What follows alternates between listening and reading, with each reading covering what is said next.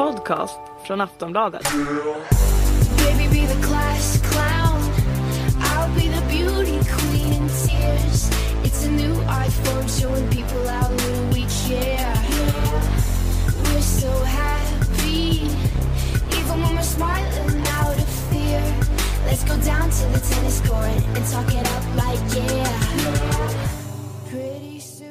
Du lyssnar på Sportbladets tennispodd med mig Henrik Ståhl och Andreas Käck. Nu var det ett tag sedan vi hörde sist, men eh, vad kan väl passa bättre än att köra en podd just nu när World Tour Finals står för dörren? Damernas slutspel har ju nyligen avslutats, alltså WTA Championship, så nu är det alltså ATP World Tour Finals i London som går av stapeln. Och slutspelsracet är alldeles nyligen avgjort. Det avgjordes ju först i, i Paris Masters i eh, för, förra veckan. Eh, eller förra veckan blir det väl nu. Vi får se, vad är det för dag idag? Det är, det är torsdag. Det var i söndags, precis. Förra veckan alltså. Eh, men eh, ja, hur blev det nu då? Ja, det blev tajt ända in på målsnöret men eh, sista man in eh, blev ju Marin Cilic på Nadals bekostnad för nu har ju han tvingats genomgå en operation som eh, man kanske väntade att han, han skulle göra ännu tidigare. Och sen också att eh, Raonic blev klar då med tanke på, eller tack vare hans prestation i, i Paris. Mm. Han tog sig till final Ja, och blev totalt utklassad av Novak Djokovic förvisso där. Men gjorde en väldigt bra turnering. ja. Sådär. Ja visst och eh, på bekostnad av David Ferrer ska vi säga som är den liksom närmast utanför och det, vi, det är ju, honom kan vi klara oss utan. Det, det är inget jättetapp att, att inte ha Ferrer med i slutspelet. Ja, man kan säga att det är, det är kanske lite roligare att ha tre färskingar eh, i det här slutet. Vilket det ju blir då med Marin Cilic, Milos Raonic och även Kei Nishikori som slutar femma eh, på säsongsrankningen. Så får vi väl se hur den slutgiltiga rankningen blir. Det beror lite på vad som händer i World Tour Finals. Vi ska väl också påpekar också bara att rent tekniskt så var det ju Raonic som blev den sista att knipa en biljett till World of Finance För att Marin Cilic var ju klar sedan tidigare i och med att han vann en Grand Slam-titel. Ja, och det där är ju lite intressant för det är ju en, det är en gammal regel från eh, Tennis Masters Cup. Som det hette tidigare, före 2009 var det väl. Tror jag, som de bytte namn. Men ehm, det var i alla fall en, det är en regel som säger att en, om en, en spelare rankad mellan 9 och 20 har vunnit en Grand Slam så liksom tar den den åttonde platsen. Och om, det är två, om det två spelare utanför topp 8 som har vunnit Grand Slam så eh, går den, högst, den av de två högst rankade vidare. Så då blev alltså egentligen, i, i praktiken så blev Cilic klar i samma veva som Wawrinka eh, blev klar. För när det, stod, när det stod klart att Wawrinka inte kunde bli sämre än världssjua så eh, gick då Cilic automatiskt vidare. Men eh, det här är ju en regel som egentligen inte eh, har liksom varit aktuell på tio år. För det var så 2004 när eh, Gaston Ga- eh, Gaudio, Gaston Gaudio vann Franska öppna. Då var han bara världstia eh, i slutet av året. Men fick då den åttonde platsen på, på André Agassis bekostnad faktiskt. ja Ehm. du ser. Det är mer än vad jag visste. Men nu har vi då alltså i alla fall ett, ett startfält till slutspelet. Har, har du lust att gå igenom alla, alla åtta spelare? Eh, ja, jag kan gå igenom i vilka grupper de har placerats. jag antar att det var precis. det du Ja men exakt, de, de två grupperna. Nej, men vi, vi har ju Djokovic och, och Federer då i en varsin grupp. Eh, ettan mot, mot tvåan. Eh, och eh, känns det som att Djokovic har fått den lättaste gruppen. Han har Wawrinka, Berdych och Cilic i sin grupp. Och sen har Federer, Nishikori, Murray och eh, Raonic i grupp B. Då. Eh, och visst är det väl Djokovic som har dragit drömlotten om det finns en sån. Mm, ja, men jag, det, jag tycker det och det verkar som att många, eh, många tycker det. Liksom det Ja. Många är eniga om det. Alltså dels det är bara att titta, kollar man in på, på statistiken om man är sån så kan man ju liksom slå fast direkt att Djokovic har alltså 41, eh, alltså 41 segrar och 5 förluster i inbördes matchfacit mot de övriga tre spelare. Eh, så att han har ju liksom ett överlägset facit. Eh, och Ja, alltså, jag menar, han är ju den klart bästa inomhusspelaren i det här startfältet. Det finns två egentligen riktigt, riktigt bra eh, inomhusspelare i hela startfältet och det är ju eh, Djokovic och Federer. Så att, jo, men det får man väl ändå, det får man väl ändå säga att jag tror att Djokovic hade nog inte kunnat få en, en bättre lottning egentligen. Nej, precis. Det, det, känns, det, är ju, det är ju egentligen bara Berder som har visat formen under hösten. Eh, Wawrinka har ju varit kall i stort sett sen eh, i för somras, tidig sommar där. Eh, slutet av den grussäsongen så har han ju inte gått att känna igen riktigt och samma med Silic har ju inte riktigt gjort så mycket väsen av sig eh, sen US Open. Så eh, nej, Djokovic är ju inte bara favorit till att vinna den gruppen. Han är ju i mina ögon favorit till att, till att vinna hela slutspelet. Eh, Ja, ja men verkligen. Och det, det är med all rätt också. Han går, in, han går in också i slutspelet med 27 raka segrar inomhus. Sist Ja. han förlorade en inomhusmatch det var alltså mot Sam Querrey i, i Paris 2012. Ja, och om det nu fanns en minsta tvekan så, så liksom såg han ju till att, att ta död på, på det i Paris. För där såg han ju riktigt vass ut. Ja, nej men det var ja, men verkligen. Det, eh, man skulle väl vilja säga att det und- undrar om inte det var en av hans klart bästa turneringar under hela året. Ja, men det, är, det var det ju såklart. Det behöver man inte ens tvista om. Liksom. Men, eh, ja, nej men absolut. Det, den enda man kan tycka, alltså om man ser till gruppen, det är väl kanske Wawrinka som ju ändå är i ganska dålig form. Jag tänker på så här, jag menar hur, hur de här grupperna lottas. Det är ju helt enkelt att ettan och tvåan placeras ju i varsin grupp så- såklart. Men sen så lottas alltså liksom trean och fyra, och då menar jag alltså den tredje sidade och den fjärde sidade spelaren. Och i det här fallet så fick ju då alltså Djokovic en tredje sidade Wawrinka och Federer fick Kei Nishikori. Och sen funkar det likadant med 5, 6, 7, 8 då. Och där kan man väl säga att jag tror att ja, Nishikori är ju... Alltså, han är ju en fenomenalt bra spelare, men han såg ju inte så himla pigg ut i Paris, får man ju säga. Nej, eller ja. Han gick, gick ändå till, till semifinal. Och, Absolut. Men man hade tre tresetare eh, dessförinnan. Och, ja. Mm. han, han, han har ju spelat bättre eh, än vad han gjorde i Paris tidigare i år. Det, det får man ju säga. Mm. Nej, men alltså, han, jag menar, att gå till semifinal det är jättebra. Liksom. Men, men det jag menar är, lite, det, som du är inne på, dels att det var många tresetare, kanske lite många så här onödiga. Alltså, du vet, han spelade inte på topp, inte mot eh, Ferrer där han ju liksom var några, två poäng från att förlora. Eh, han har inte riktigt spelat på topp egentligen. Han har spelat väldigt bra under hösten generellt. Eh, Vann ju i Tokyo, vann i Kuala Lumpur och sådär efter US Open. Men, ehm, men just i Paris jag tyckte han såg väldigt sliten ut.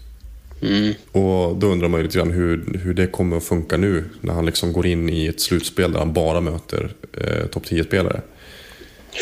Ehm, så att, och det är ju ingen, för hans del är det ju ingen lätt grupp han har hamnat i heller. Med tanke på att alltså, Federer har visserligen 2-2 i, i inbördes möten mot men, men eh, Murray har han ju problem med. Raonic blir alltid jämna matcher. Även om han har 4-1 inbördes möten så blir det alltid jämna matcher mot Raonic. Eh, och det är liksom, ah, det, beroende på hur bra Raonic spelar så är han ju tuff att möta. Liksom. Så det, det känns som att det kan bli... Eh, alltså det, det är jobbiga matcher för både egentligen Raonic och Eller ja, hela den gruppen får man väl säga är jobbig. Eller Ja. vad säger du? Jo, absolut. Det är samma med Murray har ju spelat hur mycket som helst nu under hösten också. Jag vet inte hur många turneringar i rad han har ställt upp i. Men ja, alla de i, i Kina och, och sen Wien var han väl och spelade i också. Mm, precis. Och, Och, Valencia. Ja, precis. Och sen Paris på det. Så han har ju haft... Och sen har han ju gått långt i alla de här turneringarna också, ska man komma ihåg. Han har ju väldigt mycket eh, matcher i benen på en väldigt kort tid. Så han måste ju känna av det lite grann. Samtidigt, det är liksom... Det är det sista eh, på säsongen, så man får ta ut allt som finns kvar i tanken. Men det är klart att han, han måste känna sig lite sliten i alla fall. Det, det tycker jag nog. Mm. Ja, nej men det, sen är det ju såklart, det ska vi nämna också, det, de har ju en, en hel vecka eh, liksom ledigt att eh, återhämta sig på och hinna träna. Oh. Hinna känna på underlaget och sådär. Men, eh, men jag tyckte, tyckte det var lite samma sak med Federer. Han, han såg också rätt sliten ut i Paris, eh, särskilt då i, i kvarten mot Raonic. Nu gjorde ju Raonic en väldigt bra match där, men jag tyckte inte att Federer riktigt kom upp i nivå. Um, han, ja, han såg trött ut. Liksom. Han gjorde ingen dålig match, absolut inte. Men, men inte på topp. Han har ju, alltså, Federer har ju sett otroligt stark, stark ut under, under hösten. Med Mm. segrar både i, i Shanghai och i Basel. Så, Men vad, vad, vad, tycker vi liksom generellt om eh, själva hypen? För nu blir det ju ett slutspel utan Nadal. Eh, det känns ju på något sätt som att intresset per automatik eh, sjunker lite grann. ja, alltså jag tycker ju, jag tycker ju generellt att, att det här är det liksom mest intressanta slutspelet på väldigt länge. För att förra, förra året så var, då klev ju liksom Nadal och Djokovic in med sån, sån enorm form. Så det, det, var nästan, det var så givet nästan att så, ja, men de går till final. Sen var det, då, då var det ju lite i grupp B som var spännande där om det skulle vara Federer eller Del Potro. Som man för övrigt saknar enormt mycket. Hela, det har man gjort hela den här säsongen men, men gud vad man saknar Del Potro i det här slutspelet också kan jag tycka. Men, eh, men lite samma så här å- åren innan. Det har, det har, det har varit så lite, lite avslag. Eller okej, inte avslaget ska man inte säga. Men så förhållandevis. Och framförallt så har det alltid funnits en given slagpåse. De senaste åren. Förra året så var det ju Gasquet såklart. Eh, till viss del var det ju liksom Berdych, men framförallt Ferrer i, i grupp A då. För Ferrer klev ju in med liksom väldigt dålig form. Eh, och väldigt, eller, han, hade ju, han gick ju till final i Paris, men det kändes som att han, liksom var, han, var, inte, han var inte på topp just i, i slutspelet. Och året innan det, då hade vi, eller åren innan det, hade vi Janko Tipsarevic som var liksom någon slag på sig. Nu är det sig lite mer, lite mer ovisst ändå, vilket blir kul. Men, men framförallt så är det ju det är för oss tennisnördar som det kanske är ett mer intressant slutspel för att man verkligen undrar så här, bara, men kommer, kommer Nishikori kunna mäta sig mot mot liksom Murray och Federer. Kommer han, kunna, han eller Raonic, kommer någon av dem kunna knipa en semifinalbiljett? Um, sådär. Men visst är det som du säger att utan Nadal så sjunker intresset lite grann. Ja, eller det kanske var fel ordval för att eh, för oss så kanske det här är lika kul. Men det blir ju, på ett sätt blir det ju eh, det blir en annan typ av turnering. Det, det ska bli häftigt att se liksom Nishikori, Silic, Raonic i ett slutspel. Men det blir ju inte riktigt den här samma tändningen och, och laddningen. Alltså i fjol var det ju extremt och då var det verkligen så här en, en kraftmätning mellan just eh, Djokovic och Nadal. Så där det liksom hade pendlat fram och tillbaka hela året. Vem var egentligen bäst i världen? Och sen i slutet av den säsongen och i slutspelet var det som grädden på moset där Djokovic verkligen visade att, att han var den bästa. Och nu är det ju liksom eh, klart eh, vem som kommer vara världsetta vid årets slut. Och Ja, det inte känns- helt, te, teo, inte, teoretiskt är det ju inte helt klart. Ja. Men, men, det Ja, men känns, i- vi kan väl slå fast nu att Djokovic avslutar året som världsetta. Ja, precis. Nej, och sen en, en eventuell final mellan Djokovic och, och Federer. Visst, det skulle vara häftigt. Och, och Federers resa som han har- gjort i år, liksom, den comebacken, vilket är en jättebedrift. Men det, jag känner inte att det skulle ge något så här jättestort mervärde. Det skulle inte vara någon så här Uber-prestige, tycker inte jag. Om Federer skulle slå Djokovic i, och liksom vinna slutspelet. Jag tycker att han har redan liksom bevisat så mycket. Eh, Så en, en titelslutspelare, visst det skulle väl vara, vara häftigt men det skulle inte vara så här eh, häpnadsväckande. Det skulle inte betyda så mycket inför nästa säsong, tänker jag. Nej, i alla fall inte, inte om, om han inte samtidigt blir världsetta. Vilket han ju inte blir. Om alltså, tar, sig, tar, tar sig Djokovic till final, då, då är han ju världsetta. Liksom. Alltså, för Djokovic del, för att han ska verkligen låsa eh, positionen som världsetta vid årets slut, så behöver han vinna sina, eller han behöver vinna tre matcher. Eh, egentligen, han behöver vinna sina tre gruppspelsmatcher. Gör han det, då är han, då är han solklar eh, etta. Men om Federer skulle gå obesegrad genom slutspelet och dessutom vinna två singelmatcher i, i Davis Cup-finalen samtidigt som Schweiz då vinner Davis Cup. Då kan ju Federer, men alltså det är ju, sannolikheten är ganska liten får man lov att säga. Och, och på så vis, då blir det ju lite som du säger att ja, det blir ju, det blir ju ändå ett, någon slags, kanske ett styrkebesked inför nästa år, men inte, inte i närheten av så starkt som det skulle ha blivit om man hade tagit positionen som världsetta. Ja, Vilket också hade varit en, en alltså, jag minns inte när det sist hände att en spelare som inte, alltså att en spelare blir världsetta under ett år då han inte har vunnit en Grand Slam. Eh, Det måste ha varit någon gång liksom, ja, i början på 2000-talet kanske. Marat Safin, ja. när han blev världsetta 2001. Så var, hade han inte vunnit en Grand Slam det, det året. ja. Men eh, jo, nej, men på så vis. Så, men det är ju lite samma sak som när man blickar tillbaka på, på US Open-finalen mellan Marin Cilic och Kei Nishikori. Jag tror att många av oss tennisnördar var som jätteexalterade. Tyckte att det var skithäftigt med så, två färskingar i, i en Grand Slam-final. Men, men den stora massan var inte så in- intresserad. Nej. De vill gärna ha Federer i final. Ja, alltså Nadal gör ju fortfarande väldigt mycket för, för en turnering. Även fast man tycker det är kul med all, allt det nya som, som kommer. Han är fortfarande väldigt viktig för, för tennisen. Mm.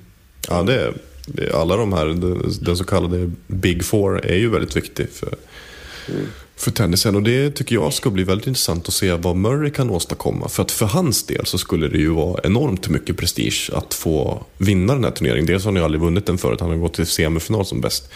Men också att han liksom bara har vunnit lågstatusturneringar den här säsongen. Eh, det har ju varit Wien och Valencia och Shenzhen. Liksom. Det är ju bara det han har vunnit. Mm. Så att det skulle ju verkligen vara att, att få gå ut med en smäll för honom. Eh, egentligen. Och för Djokovic del, ja det är klart att han vill ju, han vill ju vinna sin tredje raka. Ju inga, inga konstigheter också så här, lämnat styrkebesked inför, inför nästa säsong. Ehm, lite så. Visa att det, det här är ändå hans, det har blivit lite hans arena på något sätt. Nästan. Ja, Han har ju Ja. vunnit tio raka matcher nu i World of Finals. Så han trivs ju bra där. Men vad tror vi om, om de, här två, de här två grupperna egentligen? Eh, ja jag, jag, jag tror ju att eh, Djokovic kommer ha smooth sailing i sin grupp.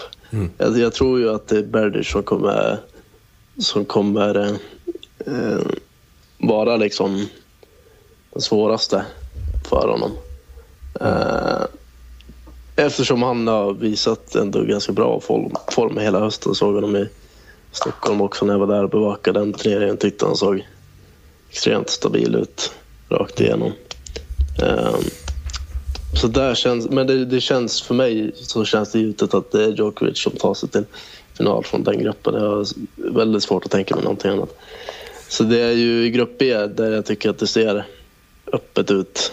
mm, Och eh, ja, jag ger väl kanske Federer 30 procents chans att, att gå till final. Sen så är det, delar jag upp resten av procenten på, på tre. Jag tycker att det, jag tycker Nishikori ska man nog inte räkna bort ändå.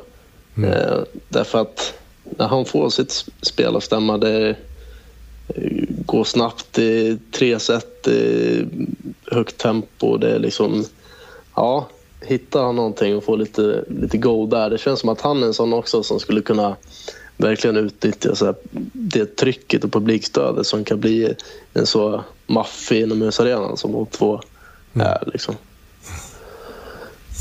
Så ja, jag vet inte. Vad, vem, vem, vad, vad ser du i din spåkula? ja, jag, först vill jag bara, vem tror du kniper den andra semifinalbiljetten i grupp A? För du sa att Djokovic är ju själv solklar där, men vem tror du tar den? Är det Berdych? Det tror. Ja, jag tror att det blir Berdych. Ja. Ja. Ja, men det är intressant. Jag, jag eh, är fortfarande lite grann i valet och kvalet på något sätt, höll jag på att säga. Nej, men jag, har inte, jag har inte satt mig ner riktigt och börjat liksom lägga det här tippningspusslet ordentligt. För det är ju, det är ju så här, just nu så lever ju mycket av det man såg i Paris är liksom kvar på näthinnan.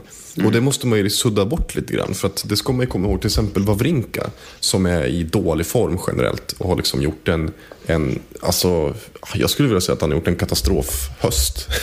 alltså han, hade, han har liksom ett, fy, alltså en, en vinst och fyra förluster i matchfasen på sina senaste fem matcher.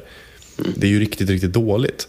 Så, men å andra sidan så hade han inte något speciellt imponerande facit efter US Open förra året heller. Och då gick han ju till semifinalen då i World Tour Finals med en, en likartad grupp. Alltså då hade han ju Nadal och så hade han Berdych och så hade han Ferrer. Och då lyckades han liksom, han slog eh, Ferrer och, eh, och Berdych i tresetare.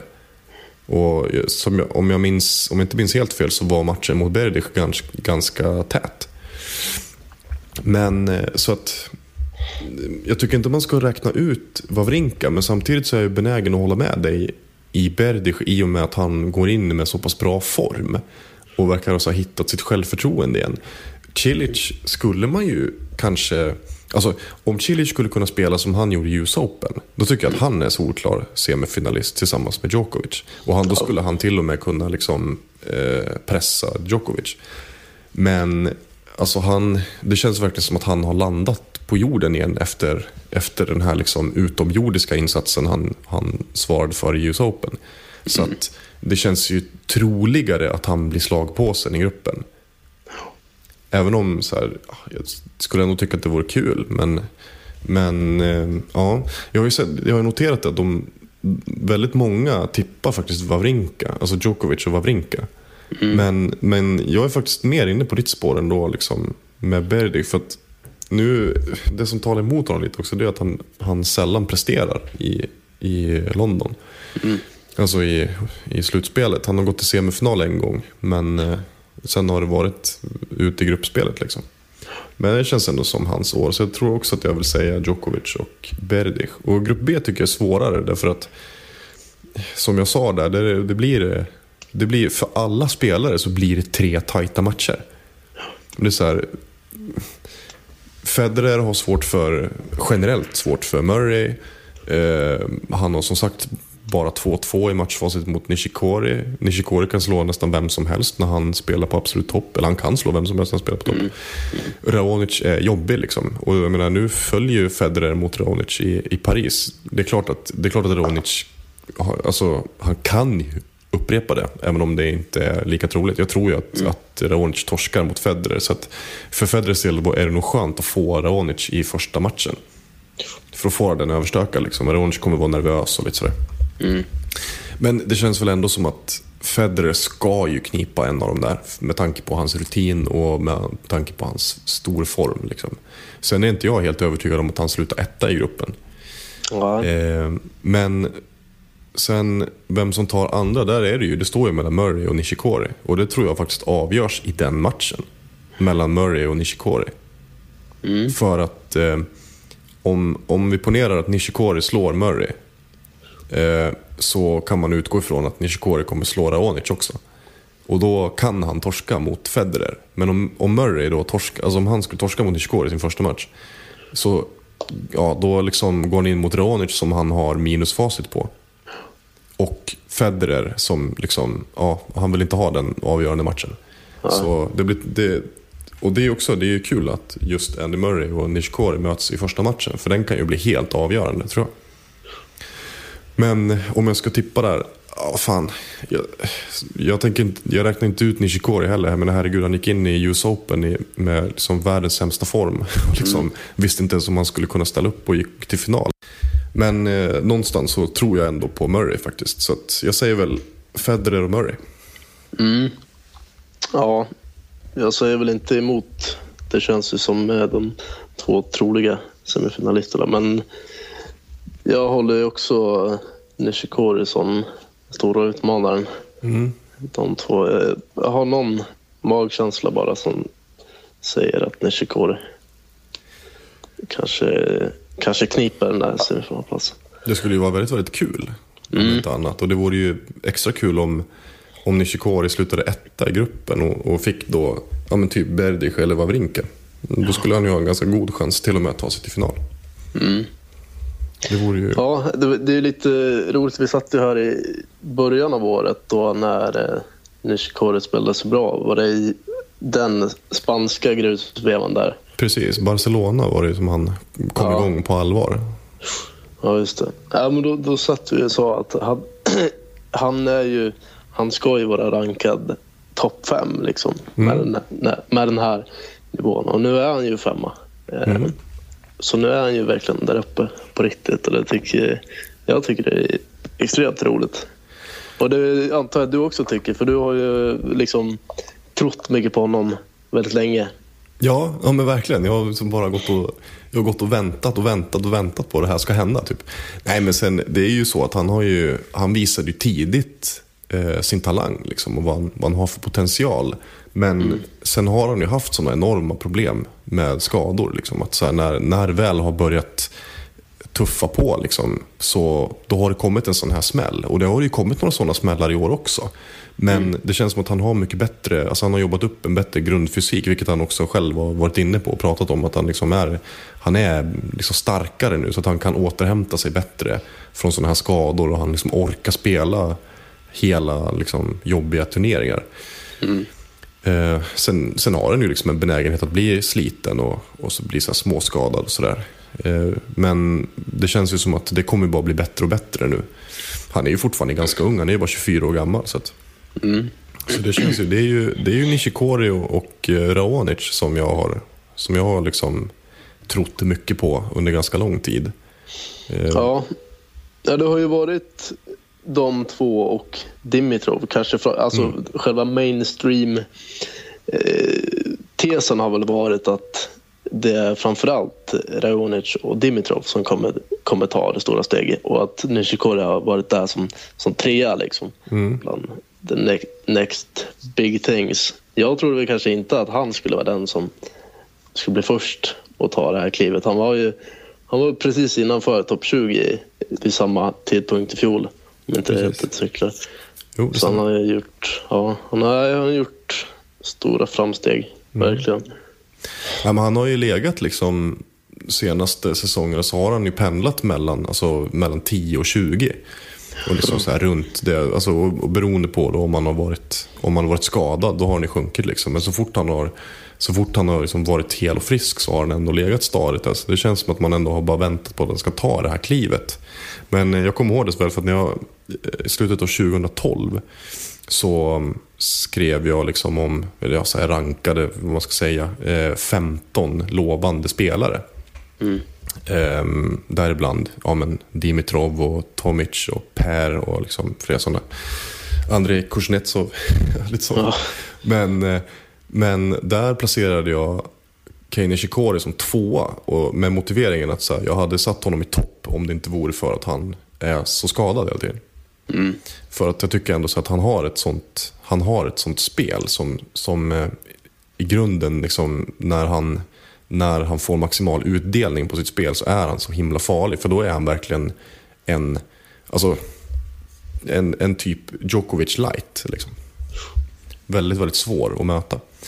Men eh, Dimitrov, det ska vi också säga att han, det var ju, han föll ju lite på målsnöret kan man säga. Han var ju, han var ju inblandad i, i slutspelsstriden. Eh, men han hamnade, nu hamnade han ju precis utanför. Eh, han, blev ju, eh, han slutade året som världselva då. Eh, precis i hasorna på Ferrer som är tia. Så det är ju väldigt, väldigt bra för säsong för Dimitrov också. Det känns väl som att så här, ja, eh, nästa år så kommer väl nästa år vid den här tiden så kommer vi väl att prata om, om, om Dimitrov i slutspelet. Hur det Ja, kommer gå för honom. Det, det, jag tror att det, något, det känns ändå som att det ska mycket till för att Dimitrov inte ska ta sig innanför topp 8 om, så här, inom ett år. Faktiskt. Det krävs att han är skadad. Liksom. Särskilt nu, för nu kommer han ju gå in i år. Liksom, han kommer ju gå in i säsongen 2015 väldigt högt sidad. Eh, generellt, vilket ju hjälper en del.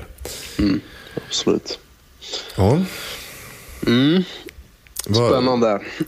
Väldigt spännande. Har vi någonting vi vill, vi vill tillägga eh, apropå årets slutspel? Jag vet inte, har vi det? Det är säkert något vi har glömt, men det kan väl ta igen då i, i den podden vi kommer ha direkt efteråt. Just det, efter, du menar podden efter, efter slutspelet? Ja, exakt. Då kommer vi att snacka om Davis Cup Mm, också ju. bland annat. Yes, för det är ju Schweiz mot Frankrike Så är det. i Davis Cup-finalen veckan efter eh, att World Tour Finals har avslutats. Mm, kan bli ett, ett väldigt bra tennisår för Schweiz och Roger Federer framförallt. Då. Även för Wawrinka såklart, som eh, Ja, precis. han var så, så pass högt upp. Han är ju världsfyra i skrivande stund. ja, Vi får se. också. Det, det, det, det, är mycket, det ska ju säga också, det är mycket poäng att spela om i World Tour Finals. Alltså man skulle ju kunna, om man, om man ser, ser liksom rankningspoängmässigt så ligger det ju mellan Grand Slam och eh, en Masters. Eftersom du får ju 200 poäng för varje eh, seger i gruppspelet. Och sen är det så extra poäng om du går till semifinal och om du går till final. Men du kan alltså få eh, 1500 poäng om du går obesegrad genom slutspel. Så det är ju ganska mycket poäng att, att slåss om ändå. Så att det är ju inte helt säkert att, eller det är inte alls säkert att, den här, att det här blir liksom den slutgiltiga eh, rankningen. Ja, så det. Vilket ju såklart är lite spännande. Men eh, hur känner du nu Andreas? Ska vi ta och avrunda med den här, eh, den här nördkollen som vi skulle ha gjort för typ två månader sedan? Ja, det var det. Alltså, jag sitter och bövar för lite grann. För jag misstänker att den kan ta lite tid ändå. Fast Ja. vi har som ambition att stöka av den hyfsat snabbt. Hyfsat snabbt. För det, Du kan, väl, du kan få berätta vad det är. Vi gjorde en sån i senaste podden. Det gjorde vi. Den senaste podden som vi, gjorde för två månader sedan. Alltså, det, var, det var ju då eh, Strokes of Genius. Och det är alltså New York Times som eh, med en diger panel tenniskunniga människor då, li, har listat de bästa tennisslagen egentligen. Eh, av bland aktiva spelare. Och då i förra podden då gick vi igenom herrarna. Så nu ska vi, och då flaggade vi för att vi i nästa podd skulle gå igenom damernas. Och det gör vi nu, två månader senare. Yes. Eller ja, eh, till och med nästan tre månader sedan. Men hur, Ja. som, hur som helst, nu ska vi inte hänga upp oss på sånt. Ehm, ja, Nej, men det, det känns väl schysst med tanke på att eh, damernas säsong är slut och vi fick ingen chans att avverka den i den här podden. Så då får, då får VTA-touren det här som belöning istället av oss.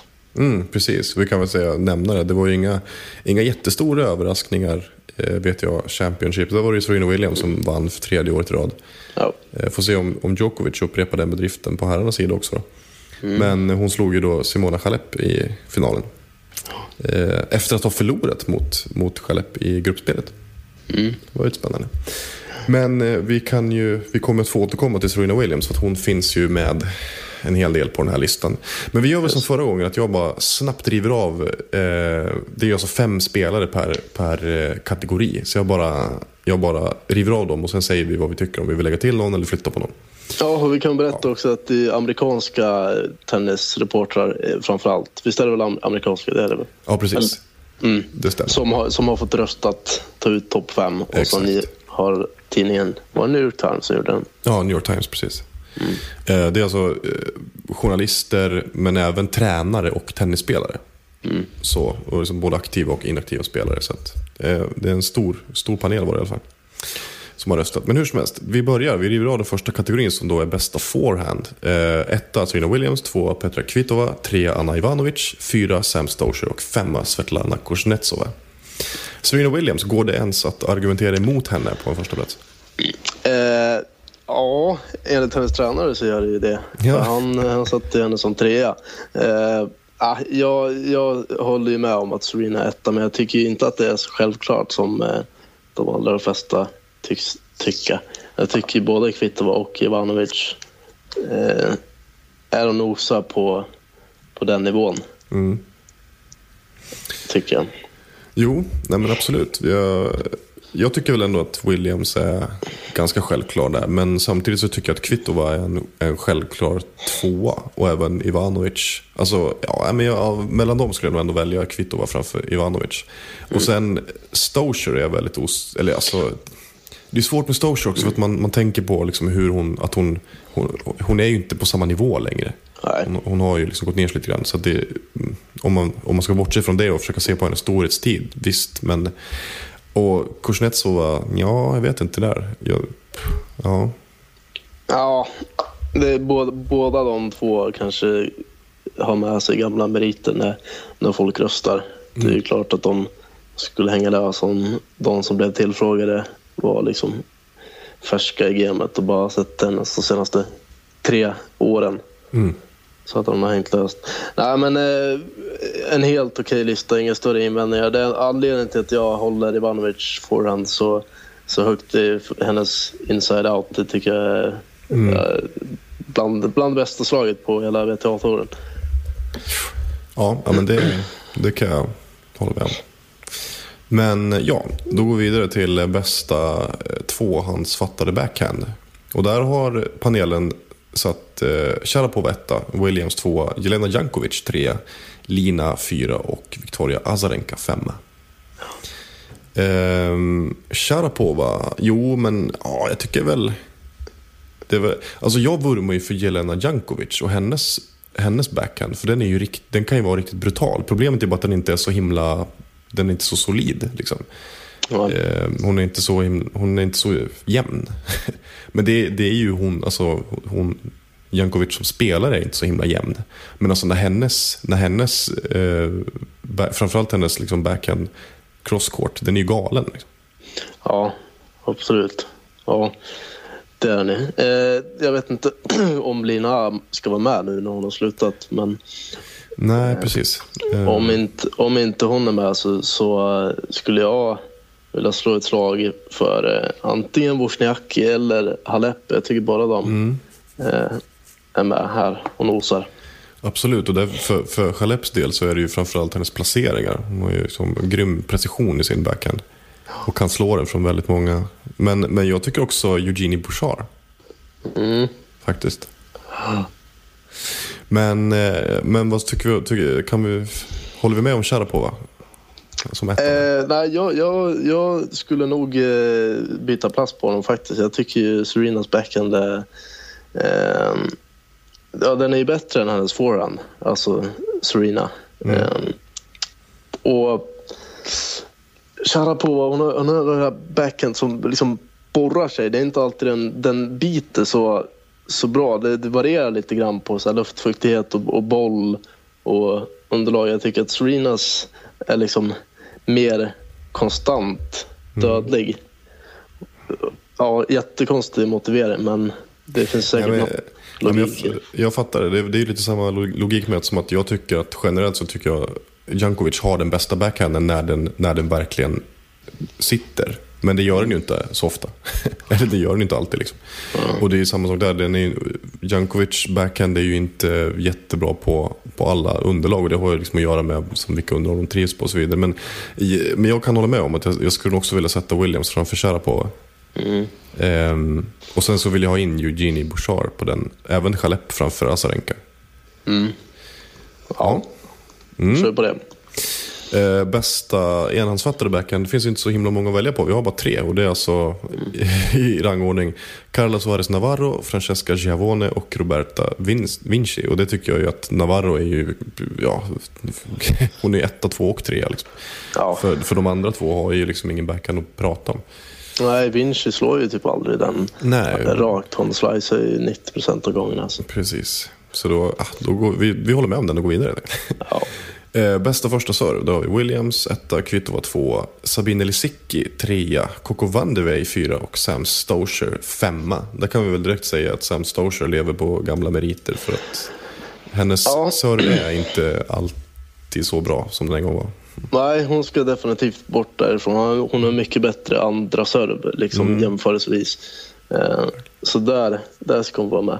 Sen, det är spännande med Coco van de Wege. Kanske inte alla som känner till henne, men hon har faktiskt, kollar man på statistik så är hon ju den som får liksom som vinner flest poäng på sin första serve. 75,2 procent eh, statistik från den här säsongen. Så hon får jättebra utdelning på den. Eh, så hon ska ju definitivt vara med. Eh, och så... Ja, det är ingen snack om att Serena är etta. Det är liksom... Nej, precis. Det är givet. Det är givet. Och sen finns det två tjejer, både Pliskova, Mm. Carolina Pliskova och Lucy Safarova. tycker jag kan vara med i diskussionen också. Framförallt Pliskova tycker jag där. Sen vet jag Ja. att, eh, sen vet jag att eh, jag tror att panelen var inne på Madison Keys, men det tycker inte jag riktigt att hon platsar på en topp 5-lista faktiskt. Över. Utan där skulle jag nog hellre ta in Pliskova och ta bort Stosur. För Sabine Lisicki, problemet med henne är att hon är så himla ojämn och skadad hela tiden. Men när hon väl är frisk då tycker jag att hon till och med konkurrerar med Kvitova om andra platsen. Ja, och hon har väl också slagit den hårdaste serven någonsin, är det inte så? Jag tror, ja det kan, det kan stämma. Ja, fram med det. Ja, men eh, hyfsat i alla fall. Det håller vi med mm. Ska vi gå vidare till bästa andra serve då? Där säger panelen Williams 1, Stocher 2, Kvitova 3, Eugenie Bouchard 4 och Madison Keys 5. Och där vill jag bara säga direkt att där skulle jag vilja byta plats på Stocher och Williams faktiskt. För att Stocher, även med dagens mått mätt, så har hon faktiskt en riktigt bra andra serve. Det måste man ge. Ja. Ja, den är ju... Med den kicken så är den ju väldigt bra. Framförallt med tanke på att många tjejer på hon är, är korta. Eh, och då biter den väldigt bra, den kicken. Eh, så det skiljer extremt mycket mellan Stossers första och andra serve. Alltså om man nu mäter i nivå så, hur bra de är, de slagen. Så eh, alla som tycker det är konstigt att vi petar Stosur från bästa serve och, serve och sen sätter henne kanske till och med som etta på andra serve så beror det på hennes kick.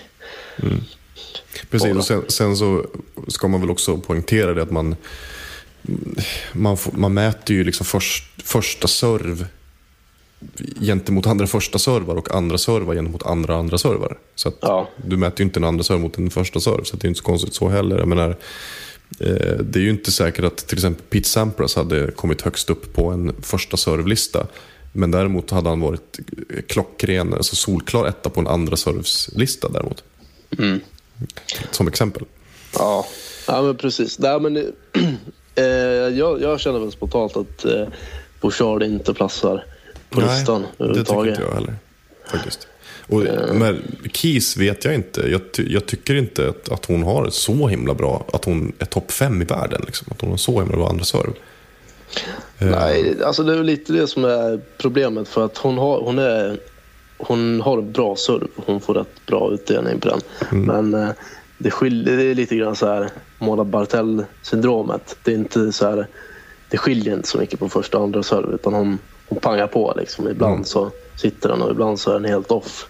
Eh, så jag förstår att hon är med liksom, i spekulationerna på snackas till serve så ska ju hon vara med i snacket och hon ska väl in på någonstans på de här två listorna. Så jag, jag låter henne vara kvar på femte plats där. Jag, jag skulle nog skicka in Halep som, som nummer fyra istället för Bouchard. Då.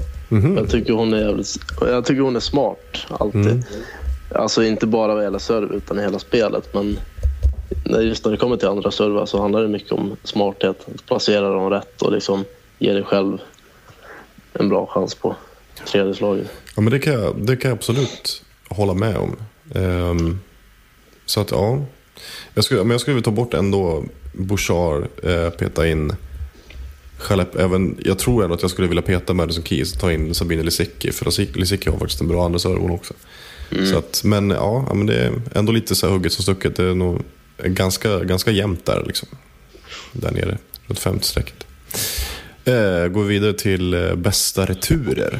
Och där har vi Sharapov 1, Williams 2, Azarenka 3, Chalep 4 och Bouchard 5. Där tycker jag att Shar- Sharapova är, är ja, förhållandevis solklar etta ändå.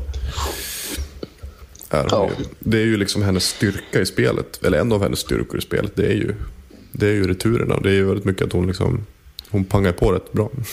Mm. Ja, visst.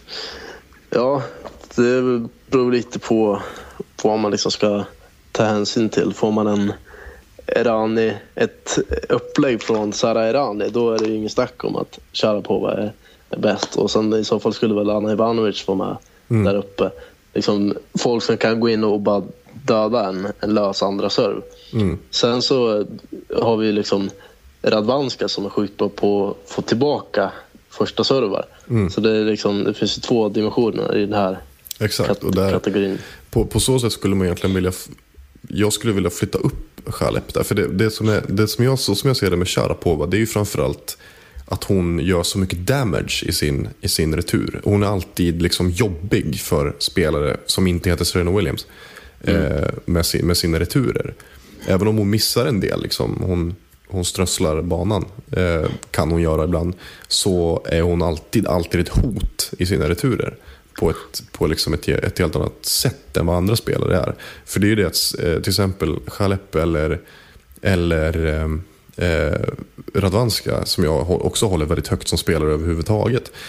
De är ju väldigt smarta liksom, generellt och får bollen i spel, men de är inte så farliga eh, returnerare. Så där är det ju, de, deras returer bygger ju mer på att få bollen i spel och sen stressa fram ett misstag. Ja. Så inte helt olikt typ Rafael Nadal. Liksom. Eh, och det är väl också, apropå det här med Sharapova, det är väl därför som Eugenie Bouchard kommer, kom, ändå kommer in så pass högt som topp fem. Det är ju för att hon också är ett hot. För hon bara smackar på allt hon har. Liksom. Jag har också för mig att jag läste att Halep har bäst stats, att hon vinner flest eh, poäng. Mm. Och, alltså låg högt både vad gäller returtagningar på första och andra serve. Det förvånar mig faktiskt inte, för att hon är ju som sagt hon är en smart returtagare. Liksom. Ehm, så, det... Ja. Men där skulle jag ändå, jag skulle vilja nog, jag skulle vilja peta Azarenka och faktiskt ta in Radvanska. Mm. Ja, men det, det kör Och, och flytta upp Chalep också. Kanske till en andra plats för då får man de två dimensionerna, Sharapova och Chalep. Mm.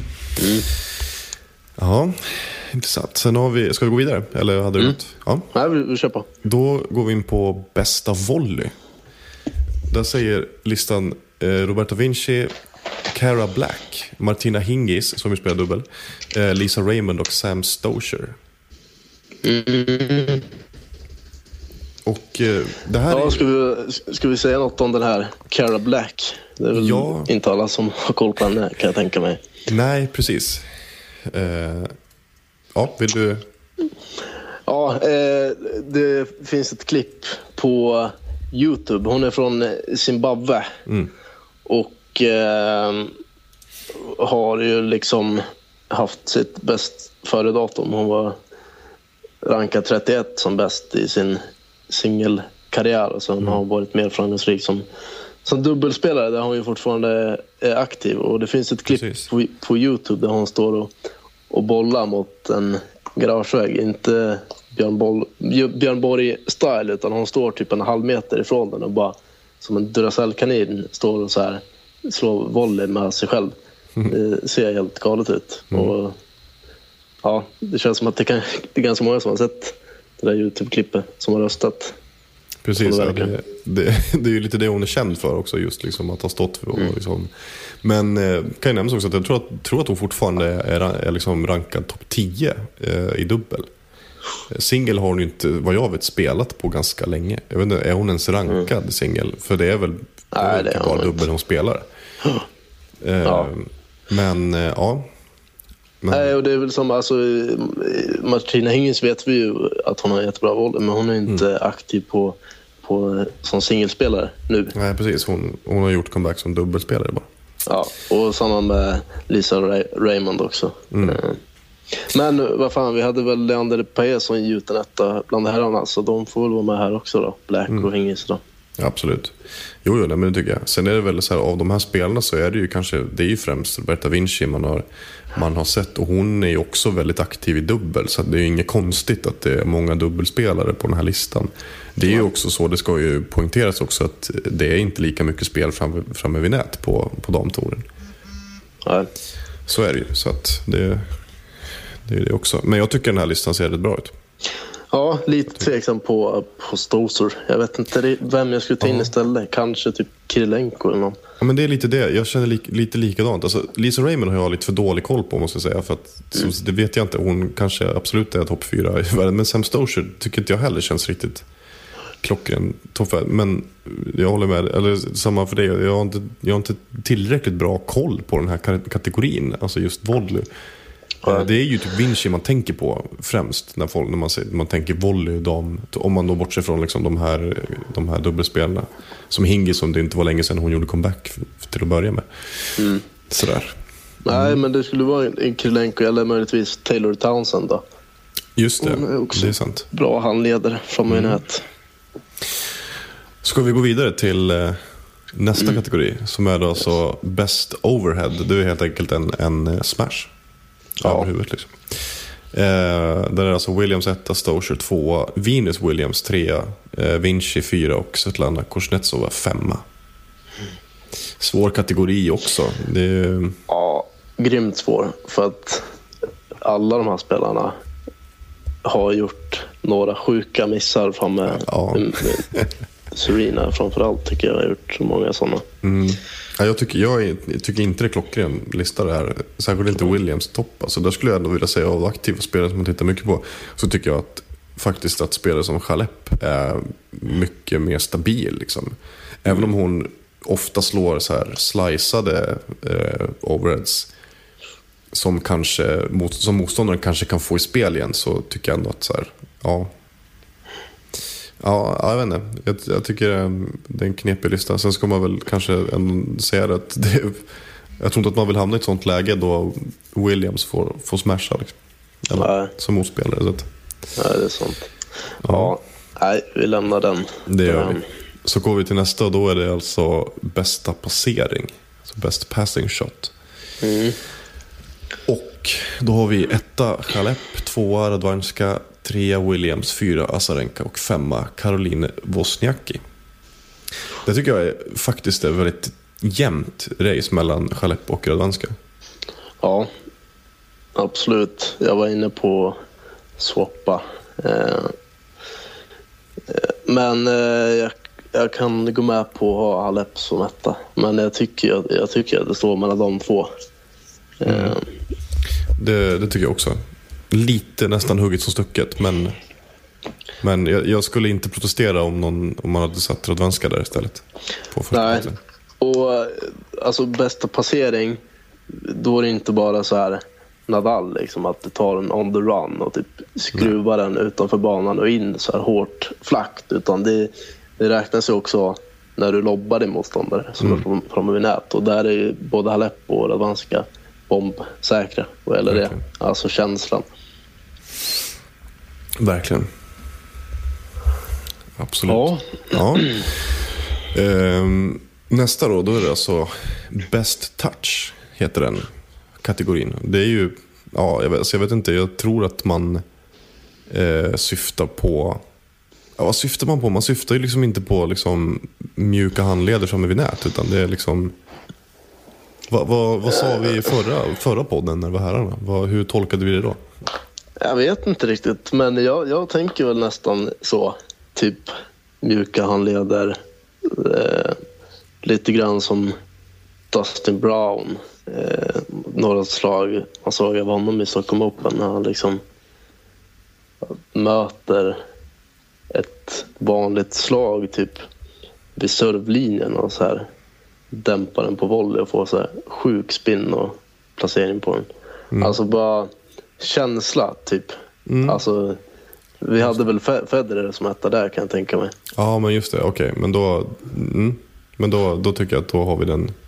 Då är jag med på tolkningen och då, nu minns jag grann hur, vi, hur vi resonerade i den podden. Eh, ja, Radwanska etta. Ja, enligt, Och, eh, enligt det, det- liksom tänket så, så är hon ju ohotad detta skulle jag säga. Mm. Ehm, ja, nej, men jag kan hålla med om det. För sen är det också så här, Martina Hingis som tvåa där. Det är ju liksom, ja, jag vet inte. Mm, Svårt. Jag tycker, jag tycker ändå så att samtliga på den här listan är, har förtjänat sin plats. Utom möjligen Flipkens. Som jag inte kanske vet om jag tycker att hon är femma. Liksom.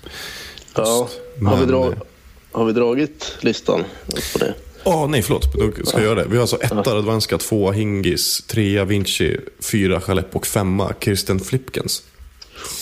Så, eh, och då säger jag, då tycker jag att Flipkens är kanske, ja, jag är inte helt säker där. Jag tycker att hon, Ja, ja hon, hon har också rätt fin känsla. Så. Nej, nej, det är en svår kategori. Här skulle jag också kunna tänka på att kasta in Taylor Townsend. Om det är liksom det vi snackar om. Och så här, är det att ha bollkänsla? ja, det är väl det egentligen. Ja, ja bollkänsla, känsla överhuvudtaget liksom. Ehm, Ja, Ja, och där, jo, men där, jag, sen kan jag ju tycka i och för sig att Chalep ska hoppa upp eh, ett par snäpp. Liksom, för att hon har faktiskt en jäkla... Så här, det kanske inte alltid ser så himla snyggt ut. För det är det som är grejen också med Federer. Man tänker att Federer har sån himla bollkänsla. Det är ju att det ser snyggt ut liksom, för, för väldigt många. Men, men Andy Murray till exempel, som jag vill minnas att vi placerade. Vi måste ha satt honom tvåa på den listan. Jag kan inte tänka mig något annat, möjligen. Eh, han har ju en enorm bollkänsla. Så att, ja. Men eh, vi kan väl enas om Radwanska i alla fall, etta. ja det gör vi, så släpper vi den. Så släpper vi den. Då går vi vidare till bästa rörelseschema. Där har vi Chalep etta, Williams tvåa, Radwanska trea, Wozniacki fyra och Jankovic femma. Eh, Chalep tycker jag är klockren. Jag tycker hon är helt ohotad faktiskt. För hon har ett fantastiskt rörelseschema. Sen tycker jag att Radwanska ska ha andra platsen. För hon, Ja. det, som problemet för henne det är väl egentligen att hon liksom, hon, hon har inte liksom räckvidden. Men det är ju inte det vi pratar om här. Här pratar vi om, om, om movement, liksom, rörelseschema. Det, hon rör sig extremt bra på banan. Ja. Även Wozniacki. Jag tycker att Wozniacki rör sig bättre än Williams också. Jag menar, Williams lever ju väldigt mycket på sin styrka. Liksom. Sen är det klart att utan... Om Williams hade liksom rört sig styltigare än vad hon gör, då hade hon ju inte fått utdelning på den styrkan ändå. Men jag tycker ändå att Wozniacki rör sig generellt bättre än Williams. Ja, det tycker jag också. Sen, alltså, Williams är mycket snabbare både i sidled och djupled än vad, vad man tror. Liksom. Den generella uppfattningen om henne är att hon är ganska så här, långsam och klumpig, fast det är hon faktiskt inte. Nej. Eh, Men jag håller med dig om att både eh, alltså Halep, Radwanska och Wozniacki tycker jag är bättre än Serena i den kategorin. Och sen är jag, jag osäker på Jankovic. Alltså, jag ska nog Ja. inte sätta henne i en topp fem. Nej, jag, jag tycker ju Rani förtjänar den platsen bättre i så fall. För hon är extremt smidig på banan också. Det kan jag, det kan jag absolut hålla med om. Sen, jag, ja, möjligen typ Sloane Stevens innan, alltså Sloane Stevens säsongen 2012-2013 typ. Inte, Ja. Årets säsong har hon inte varit så himla bra, men hon har ju ett generellt bra rörelseschema tycker jag. Likaså Angelique Kerber. Mm. överlag. Båda de tycker jag är bättre än Jankovic i alla fall. Absolut. Ja, Nästa kategori eh, har vi alltså bästa psyke. Då har vi Williams 1, Sharapov 2, Chalep 3, Bouchard 4 och Azarenka 5. Yes. Ja, Ja, båda kommer, vi kommer säga samma sak. Sharapov Ja. 1 etta helt enkelt. Ja, hon är ganska sol- solklar etta skulle jag säga. Ja, det tycker jag också. Alltså baserat på de senaste säsongerna så absolut Mm, nej, men jag, självklar etta. jag tycker också hon är självklart. Williams är ju, alltså, jag vet inte, hon... Det är klart att det beror ju lite på hur man, hur man eh, hur man definierar, liksom, eller, eller, så, vad, eller så inte bara definierar, utan hur du värderar psyke. Alltså, jag menar, generellt så brukar man ju värdera att vända underlägen det högre än att typ eh, kunna, kunna stänga liksom, jätteviktiga matcher enkelt. Det, det är ju ofta, det brukar man ju liksom förbise när man pratar om psyke. Men det är ju också en viktig aspekt, liksom, att faktiskt kunna avsluta en... en och det är ju, det är ju liksom en sån aspekt som många yngre spelare, eh, att det är det de faller på. De kan spela, göra en sån fantastisk match, men sen när de står där och ska serva hem skiten, då bara fallerar de. Liksom. Sen har vi spelare som typ Djokovic som kan vara på väg att choka bort en match och sen bara vända. Och då är frågan så här, hur värderar man det psyket? Att kunna liksom skaka av sig. Typ som i Wimbledon när han servade för matchen och sen plötsligt så stod han där och hade ett avgörande set. Liksom. Ehm, ja, men, ehm, men jag tycker ändå Sharapova är etta. Williams tvåa så tillvida att hon, hon kan liksom eh, bara hamna i världens formsvackor. Du vet, efter att ha vunnit första set med 6-0 kan hon bara, du vet, allt bara rasa. Sen så kan hon hitta tillbaka till det igen. Och det är ändå starkt. Ja. Eh, precis, har vi dragit hela listan nu? Mm, precis. Eh, Skellefteå är trea, Bouchard fyra och Azarenka femma. Ja. Men Bouchard och Azarenka, ska, ska de vara där? Ska Nej. Azarenka vara där? Nej, det ska hon inte. Ja, men Nej. framförallt inte Bouchard tycker jag. Nej, jag tycker... Azarenka kan det väl ändå finnas liksom, ah, jag vet inte. Fast det, ja, alltså det är ju mer att hon, hon är stabil. Så hon har ett stabilt psyke också. Men det är ju inget utöver. Alltså det är ju liksom inget så här Nadal överjordiskt. Ja, jag, jag vet inte hur många eh, matchbollar jag har sett henne missa när hon ska Mm. Jo, det stänga matcher. Framförallt för, för typ två år sedan. Nu har ju inte hon spelat så jättemycket i år med tanke på att hon var skadad. Så hon har ju, man har glömt bort henne lite grann så i och med Mm. att hon inte har varit den här contendern som har varit. Men alltså om man tänker tillbaka på dem eh, för två år sedan när hon var överlägsen ett tag så hade hon ju alltid problem med att Mm. stänga matcherna. Liksom. Så, så är det ju absolut. Ja.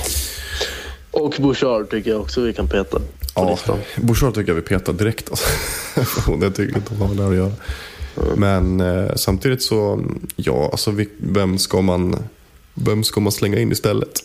Ja, det är det som är det svåra. Så jag tänkte lite grann på det. Det finns ju ingen självklar sån eh, stål, stålkvinna. Nej.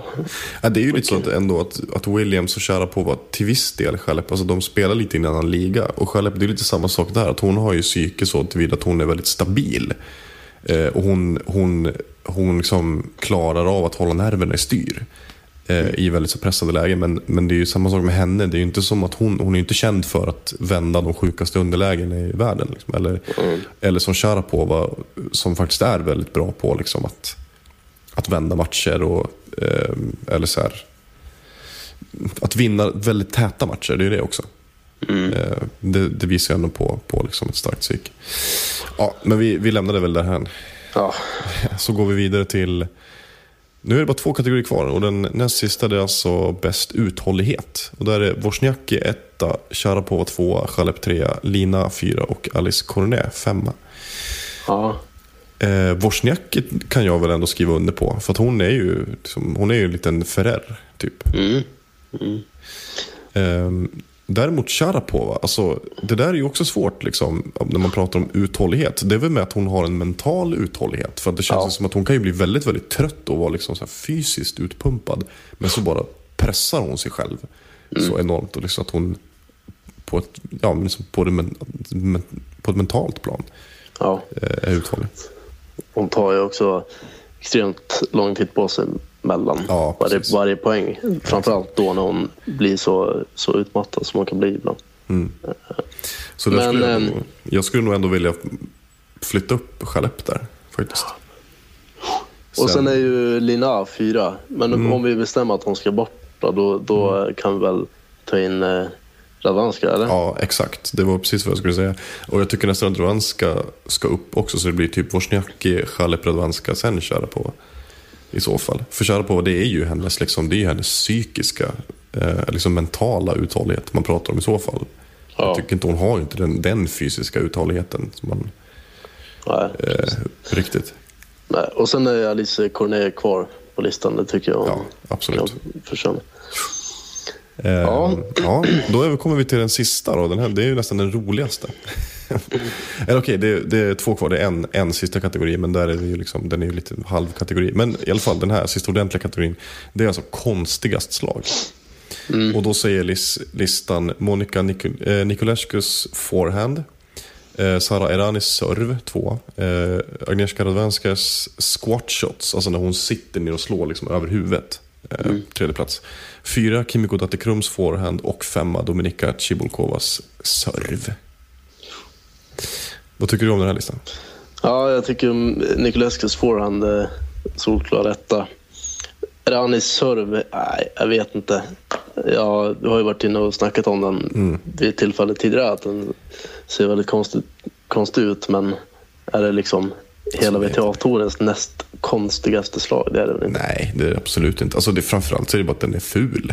Det är, väl, så, det är så himla konstig är den ju inte. Eh, så att, ja, nej, men eh, Radwan- Radwanska squat shots platsar väl ändå på listan. Ja, För det, det ser ju jag. ganska kul ut när hon liksom sit, verkligen så sitter på huk och typ slår över huvudet. Det är ganska roligt. Eh, jag måste säga att jag håller inte med dig om Niculescu faktiskt. Ja, okej. Där är det ju framförallt, eh, men ska, om man säger så här, hon, hon slår ju väldigt ofta forehand slice. Ja, Niculescu. hon slår ju typ bara två. forehand slice. Ja, och när hon väl slår en, en riktig forehand, då slår hon en tvåhandsfattad forehand. Men det finns en, faktiskt en spelare som jag tycker har den solklart konstigaste. ehm, och jag ska förklara, men det är i alla fall en spelare som heter Ayumi Morita. Ja, okej. ja. Eh, Hon, eh, en japansk spelare, hon är ganska ung, hon är typ 24 år gammal. Men hon, eh, jag tror det var ganska länge sedan hon var topp 100. Hon är rankad 150 någonting nu. Har väl som högst varit rankad, rankad 40 för några år sedan. Men grejen med hennes slag är alltså att hon slår också en, en tvåhandsfattad forehand. Men hon slår alltså en... Alltså, egentligen slår hon en tvåhandsfattad backhand. ja. Vilket innebär att hon slår en, eh, alltså en tvåhandsfattad backhand på vänstersidan och en tvåhandsfattad backhand på högersidan. som att- byter. Hon byter grepp. Eh, för det vanliga, så, som till exempel Niculescu då, när hon slår sin, eh, eller som Kimiko Dattekrum också, när hon slår sin så höger, eh, liksom, eller e- enhandsfattade forehand, eller tvåhandsfattade forehand menar jag, det är ju att du har kvar eh, vänsterhanden ovanför eh, högerhanden. Men, eh, men Morita placerar alltså vänsterhanden under höger, precis, så att hon håller liksom precis vid, liksom, i, vad ska man säga, knappen. Alltså, längst ner på, på alltså, som man ska säga, svärdsknappen på ett svärd. typ så. Så, att, så rent tekniskt så slår hon nästan en, en tvåhandsfattad backhand. Och det är ju väldigt ovanligt och konstigt. Jag har inte sett någon annan spelare än hon slå på det sättet. Nej, och well spotted. Måste jag säga. Det jag helt missat. Sen Eh. skulle jag nog vilja, jag vet inte om jag vill ta bort Kimiko Dattekrum eller Dominika Cibulkova, men jag vill i alla fall få in Shuai Peng på den här listan. Ja, jag tänkte precis det. Ehm, Ja, absolut. Då i så fall skulle jag peta Cibulkovas serv. Mm, den är inte så himla konstig. Kanske. Men, Nej, sen... eh, Ja, fortsätt du med, med peng om du vill utveckla. Ja, det är ju mer att hon också har en, en, en tvåhandsfattad forehand. Men hon har ju en, en mer, vad ska man säga, konventionell, om man nu kan, om man nu kan prata om tvåhandsfattad forehand som konventionell. Så Ja. en, en, eh, men den är alltså, jag, jag, jag vurmar ju för tvåhandsfattad forehand. Jag tycker det, jag tycker det är snyggt. Liksom. Men eh, det är kul, spännande framförallt. Ja. Men jag tycker nog att hennes, eh, jag håller med, alltså Shuai Pengs tvåhandsfattade forehand är ju konstigare än, än Cibulkovas serve. Liksom. Ja, nej, de, alltså Erani och Cibulkovas serv, de ska bort från den här listan. Det. Sen man skulle kunna ta in, apropå eh, de som har enhandsfattad backhand så är ju Scavones backhand väldigt märklig. Han slår den nu på ett eh, väldigt annorlunda sätt. Men väldigt toppspin också. Ser väldigt konstigt. Och sen eh, ja, lite sugen var jag på att kasta in Johanna Larsson på den här listan. Jaså? Hon, ja, hennes forehand. Hon, hon har ju väldigt så här ryckig och lite, ja vad ska man säga? Det, hon har en konstig stil eh, när hon spelar. Framförallt när hon slår sin forehand. Att hon, hon liksom böjer hela kroppen på något konstigt sätt. Eh, Intressant, jag har aldrig noterat liksom, nå, då tycker jag nästan att hennes serve, fast hennes serve är inte jättekonstig, men så här, den har jag noterat mer än liksom hennes forehand. Som, som så lite annorlunda. Ja, nej, den men platsar väl, inte, platsar väl inte på topp fem, men det är bara lite kul med tanke på att hon är svensk och, och allt det där. Eh, ska väl nämna, alltså, nämnas också att jag tycker nästan att Monica Nicolescu, hennes tvåhandsfattade backhand slice är ju konstigare egentligen än hennes forehand. Ja, Den ser ju, den ser ju väldigt rolig ut. Sen är det väl också, men jag tror väl också så här typ med Nicolescus forehand, det är ju när hon, när hon slår en, en vanlig forehand, inte en slice, då liksom så sparkar hon upp högerbenet som ser ganska roligt ut också. Så det ser ut som att hon, liksom, som att hon inte riktigt är, är rätt placerad varje gång hon slår en vanlig forehand. ja. Ja, intressant. Men eh, då, då har vi i alla fall den absolut, absolut sista lilla kategorin och det är alltså eh, To play a match for your life. Och där är, säger panelen Williams etta och Sharapova tvåa. Ja, Vem, vem skulle du välja, Williams eller Sharapov? Ja, alltså jag vill ju egentligen säga Sharapova. Och jag skulle kunna motivera det också.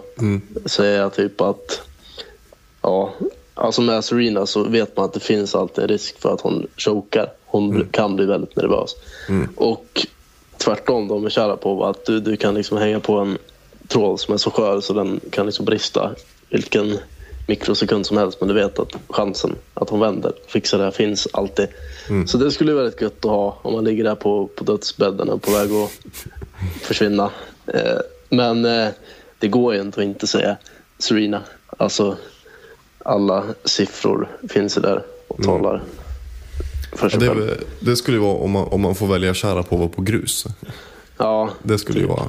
Det skulle ju kunna vara det som liksom Edge Williams out på något sätt. Men jo, det är klart att Williams etta var den. Det är inte konstigt liksom. Ja men fan, då, då, var, vi, då var vi klara. Hyfsat, ja, okej man kan säga att det gick snabbt men ändå. Ja. Med en gedigen lista att gå igenom. ja. ja men det är väl lite kul också. Sen blir det, det blir- mycket samma namn på, på alla kategorier. Jo men det blir ju så också för det är ju många av de här spelarna de spelar ju lite i- i en liga för sig på något sätt. Jag menar Williams, det är ju inte en slump att hon hamnar så här högt upp på de här listorna. För att hon är, och det var ju egentligen lite samma sak på, på här sidan. Det var ju typ sådär som bästa serv, det var ju de som stack ut mer. Till Ja. exempel. Liksom. Men annars är det ju Nadal och Djokovic och Federer och Murray. Det, de återkommer ju liksom i alla kategorier på ett eller annat sätt. Så, ja, spännande. Men eh, då kan vi väl flagga redan nu då för att eh, nästa podd blir en liten Davis Cup special. Mm. Precis. Och sen, sen efter det, då är det ju bara dags att summera säsongen. Ja, Det blir ju spännande. så är det. Så är det. Nej, så det är slu, slutet av november va? Som Davis Cup-finalen ska Exakt. spelas. Slutet av november, precis. Men först ska vi ta oss igenom eh, World Tour Finals.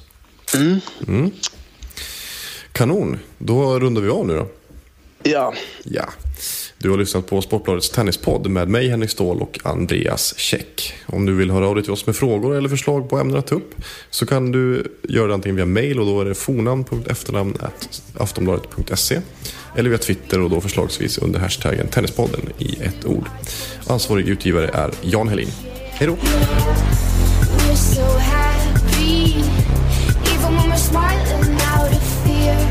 Let's go down to the tennis court and talk it up like yeah. Pretty soon I'll be getting on my first plane.